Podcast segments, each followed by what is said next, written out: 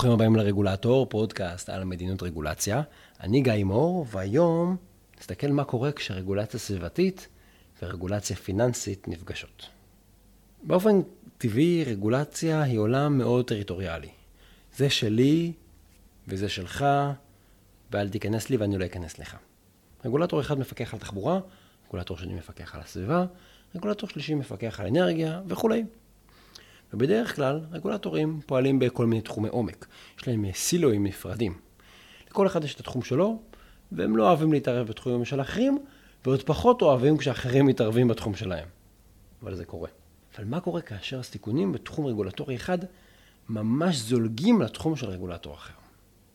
אז החשש מפני סיכונים של שינויי אקלים הוא דוגמה בדיוק למצב כזה. למשל, היו שרפות יער חסרות תקדים באוסטרליה, ושיאי חום שנשברו בכל מיני מקומות בעולם בשנים האחרונות, וזה המחיש את ההשלכות המסוכנות של אם מתרחש שינוי אקלים גלובלי. ואז לאט לאט גוברת ההבנה שלמשבר כזה יכולות להיות גם השלכות פיננסיות. רגולטורים, בנקים, גופים משקיעים מוסדיים, מתחילים לשאול את עצמם כל מיני שאלות, כמו מה היו ההשפעות הכלכליות אם פני הים יעלו במטר, שניים, שלושה, וזה אולי יפגע בנכסי הנדל"ן שיותר קרובים לחוף. או למשל, האם השקעה בתעשיות מזהמות עלולה לפגוע ביציבות של גופים פיננסיים? אה, האם גלי חום ובצורות יגבירו את המחסור של מחירי מזון ואת ההתייקרות של מחירי מזון? ומה זה יגרום? זאת אומרת, פתאום סיכונים סביבתיים אנחנו מתחילים לתרגם אותם להשפעה כלכלית ולהדים של ההשפעה הזאת על המערכת הפיננסית. בעולם ניהול הסיכונים נהוג לדבר על תופעה שנקראת ברבורים שחורים. אלה אירועים מאוד מאוד נדירים שקשה לצפות מראש, אבל יש להם השפעה קטסטרופלית. זאת אומרת, מראש ההסתברות מאוד מאוד נמוכה, אנחנו עיוורים אליהם, אבל האימפקט, החומרה מאוד מאוד גבוה.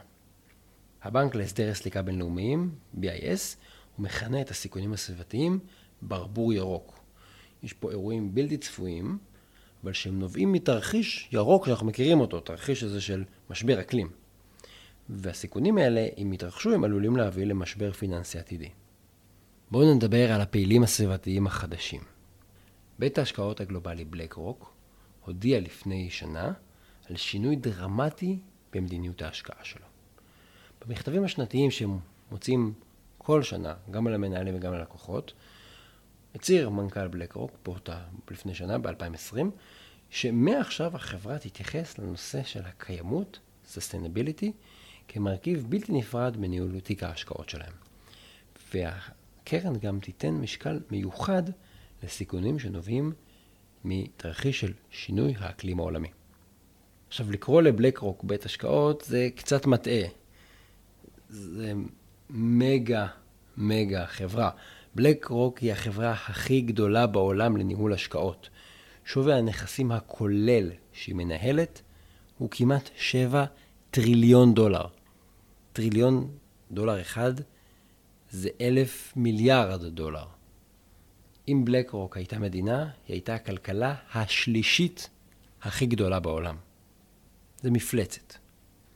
אז מה שאנחנו רואים פה, שאם בלק רוק חושבת שהיא חשופה לנזקים במשבר האקלים, וזה עלול לגרום לה נזק פיננסי, כנראה שכל חברה ציבורית בעולם מושפעת בדרך כזו או אחרת מה, מהמשבר הזה.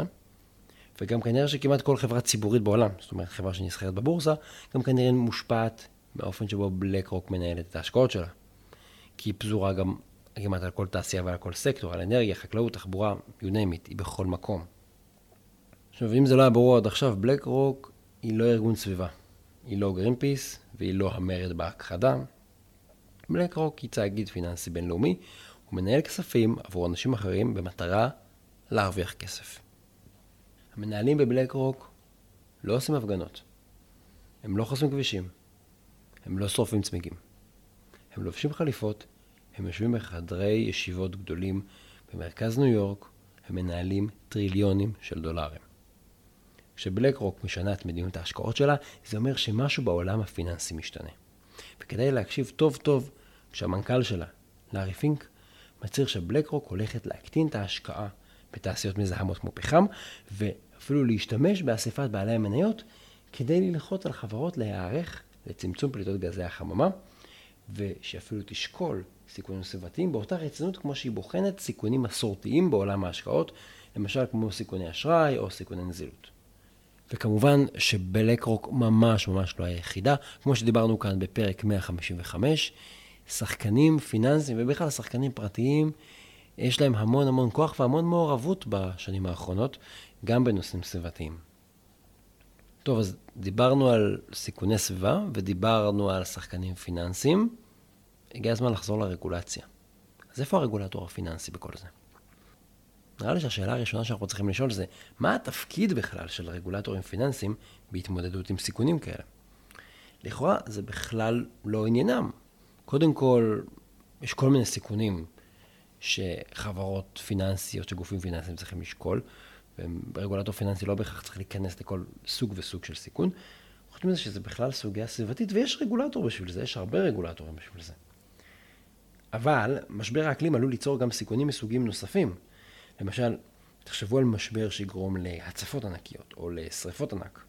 אם זה יקרה, זה כנראה בהם הולך לעניין גם את הרגולטורים הפיננסיים, כי הם אחראים למשל על שמירה על יציבות של המערכת הפיננסית ועל הגנה על המשקיעים. אני רוצה לספר לכם פה על מאמר שפרסם עורך דין עדן לנג, שהוא מציג איך רגולטורים פיננסיים יכולים לפעול כדי להתמודד עם סיכוני האקלים, וגם איך הם יכולים להתמודד עם ההשפעה הדרמטית של סיכוני האקלים, גם על חברות פיננסיות וגם על המשקיעים.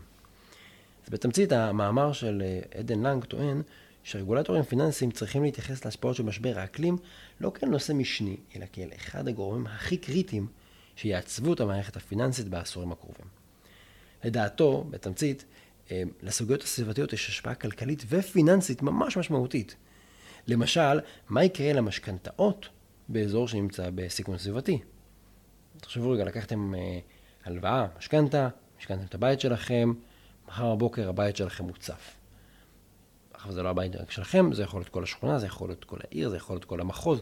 מה זה עושה לבנקים שנתנו כל כך הרבה הלוואות, ואי אפשר להחזיר אחר כך את ההלוואות האלה, איבדתם את הבית, וגם הם לא יכולים למכור את הבית כי מי יקנה בית מוצף עכשיו.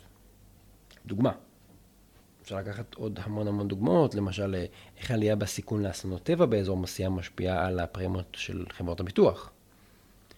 ומצד שני, בואו נחשוב רגע חיובי, שינוי הכלים יכול לייצר כל מיני הזדמנויות עסקיות. למשל, השקעה בטכנולוגיות ירוקות, שיסייעו לצמצם פליטות גזי חממה, או למשל, לא יודע אם שמעתם, קרחונים בים הצפוני, מסביב לקנדה, נמסים ופתאום נפתחים שם אפיקי אה, שיט שהיו חסומים עד היום, אפשר לקצר את אפיקי השיט, זה יכול לחסוך כסף, זה יכול לחסוך בזמן, זה יכול אפילו לחסוך בצריכת הדלק של אוניות. הנה הזדמנות דווקא. בקיצור, לשינויים הסביבתיים יש גם השפעה על תחומי העיסוק של הרגולטורים הפיננסיים. פתאום הרגולטורים הפיננסיים מגלים את עולם האקלים. וכאן אולי נכנס הקונספט שאפשר לקרוא לו רגולציה פיננסית מודל 2.0.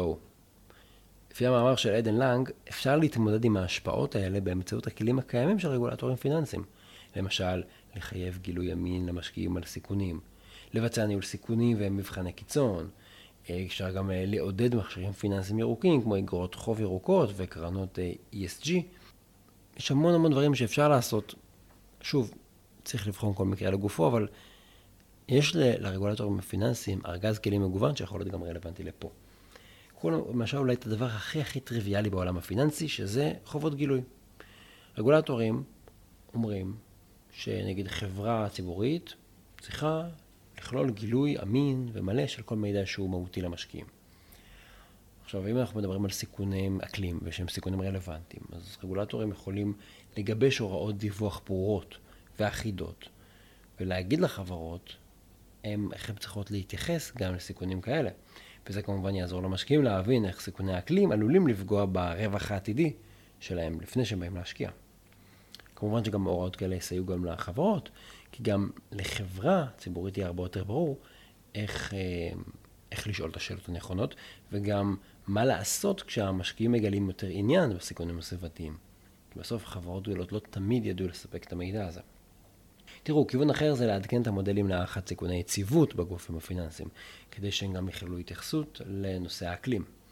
נגיד, אה, אם לבנק או גוף פיננסי אחר יש חשיפה לא מגודרת לאסון טבע, אז זה עלול לגרום לבנק או לאותו גוף אה, לקרוס. זה נראה לי, אגב, מאוד מאוד בולט עם חברות ביטוח, כן? אם חברת ביטוח מבטחת אה, המון המון נכסים באזור מסוים ויש שם אסון טבע, אז כמובן שזה עלול להקריס את כל חברת הביטוח. ודוגמה אחרונה, רגולטורים גם יכולים לעשות סדר בכל מיני מכשירים פיננסיים שונים, שהיום הם מציגים את עצמם כירוקים. יש קרנות ירוקות, יש אג"ח ירוק, קרנות ESG, אבל חלק מהמכשירים האלה ממש לא ירוקים, והם חלק פשוט מתאים את המשקיעים. העניין הוא שהיום אין הגדרה מה זה קרן ESG, ואם אני קורא לעצמי קרן ירוקה, קרן שמשקיעה בדברים ירוקים, קרן שמשקיעה בדברים שהם אה, למשל רק בחברות שמפחיתות אה, פליטת פחמן, אני אומר דברים, אני לא בהכרח עושה את זה. או לפעמים אני רק 5% מההשקעות שלי הם באפיקים האלה. האם זה אומר שאני קרן ESG? היום אין כללים, היום אין רגולציה, אני יכול לקרוא לעצמי איך שאני רוצה, ואני עלול להטעות את המשקיעים. עכשיו תראו, אני לא אומר שהרגולטורים הפיננסיים צריכים להיכנס בכל הכוח לנושא האקלים ולהכניס רגולציה. אני גם לא אומר שהרגולטורים הפיננסיים צריכים להחליף את הרגולטורים הסביבתיים. בסוף כל אחד ימשיך לעשות את העבודה שלו. אבל אם יש לנו פה סיכון מסוים, במקרה הזה סביבתי, שעלול להתפשט ולהשפיע על המערכת הפיננסית, אני מניח שגם הרגולטורים הפיננסיים יצטרכו להגיב בהתאם. ובתור התחלה הם יצטרכו לפתח כלים כדי למדוד ולהעריך את הסיכונים האלה של האקלים, ואז להחליט מה הם עושים ומה לא עושים. ובהקשר הזה אני חושב שלפחות הסיפור של שקיפות של אפיקי ההשקעה שמתחזים לירוקים, זה דבר די בסיסי שאפשר לעשות, כי את זה הרגולטורים הפיננסיים עשו תמיד, לוודא שאין הטעיה של המשקיעים. לדעתי, בשורה התחתונה יש הרבה היגיון בהצעה של עדן לנג. כדאי שהרגולטורים הפיננסיים יערכו מראש, לפני שהברבורים הירוקים יופיעו ויזעזעו את המערכת הכלכלית והפיננסית העולמית. כמו כל דבר בניהול סיכונים, כדאי להגיע מוכנים. זהו, עד כאן. תודה שהאזנתם לעוד פרק של הרגולטור. אני גיא מור, מוזמנים לעקוב אחריי דרך אתר האינטרנט, רגולטור.אונליין, וגם בפייסבוק, בטוויטר, בטלגרם, היכן שתרצו. תודה לעומר קרן על עריכת הסאונד. תודה לעדן לנג על המאמר שלו, לינק תוכלו למצוא באתר האינטרנט, רגולטור.אונליין.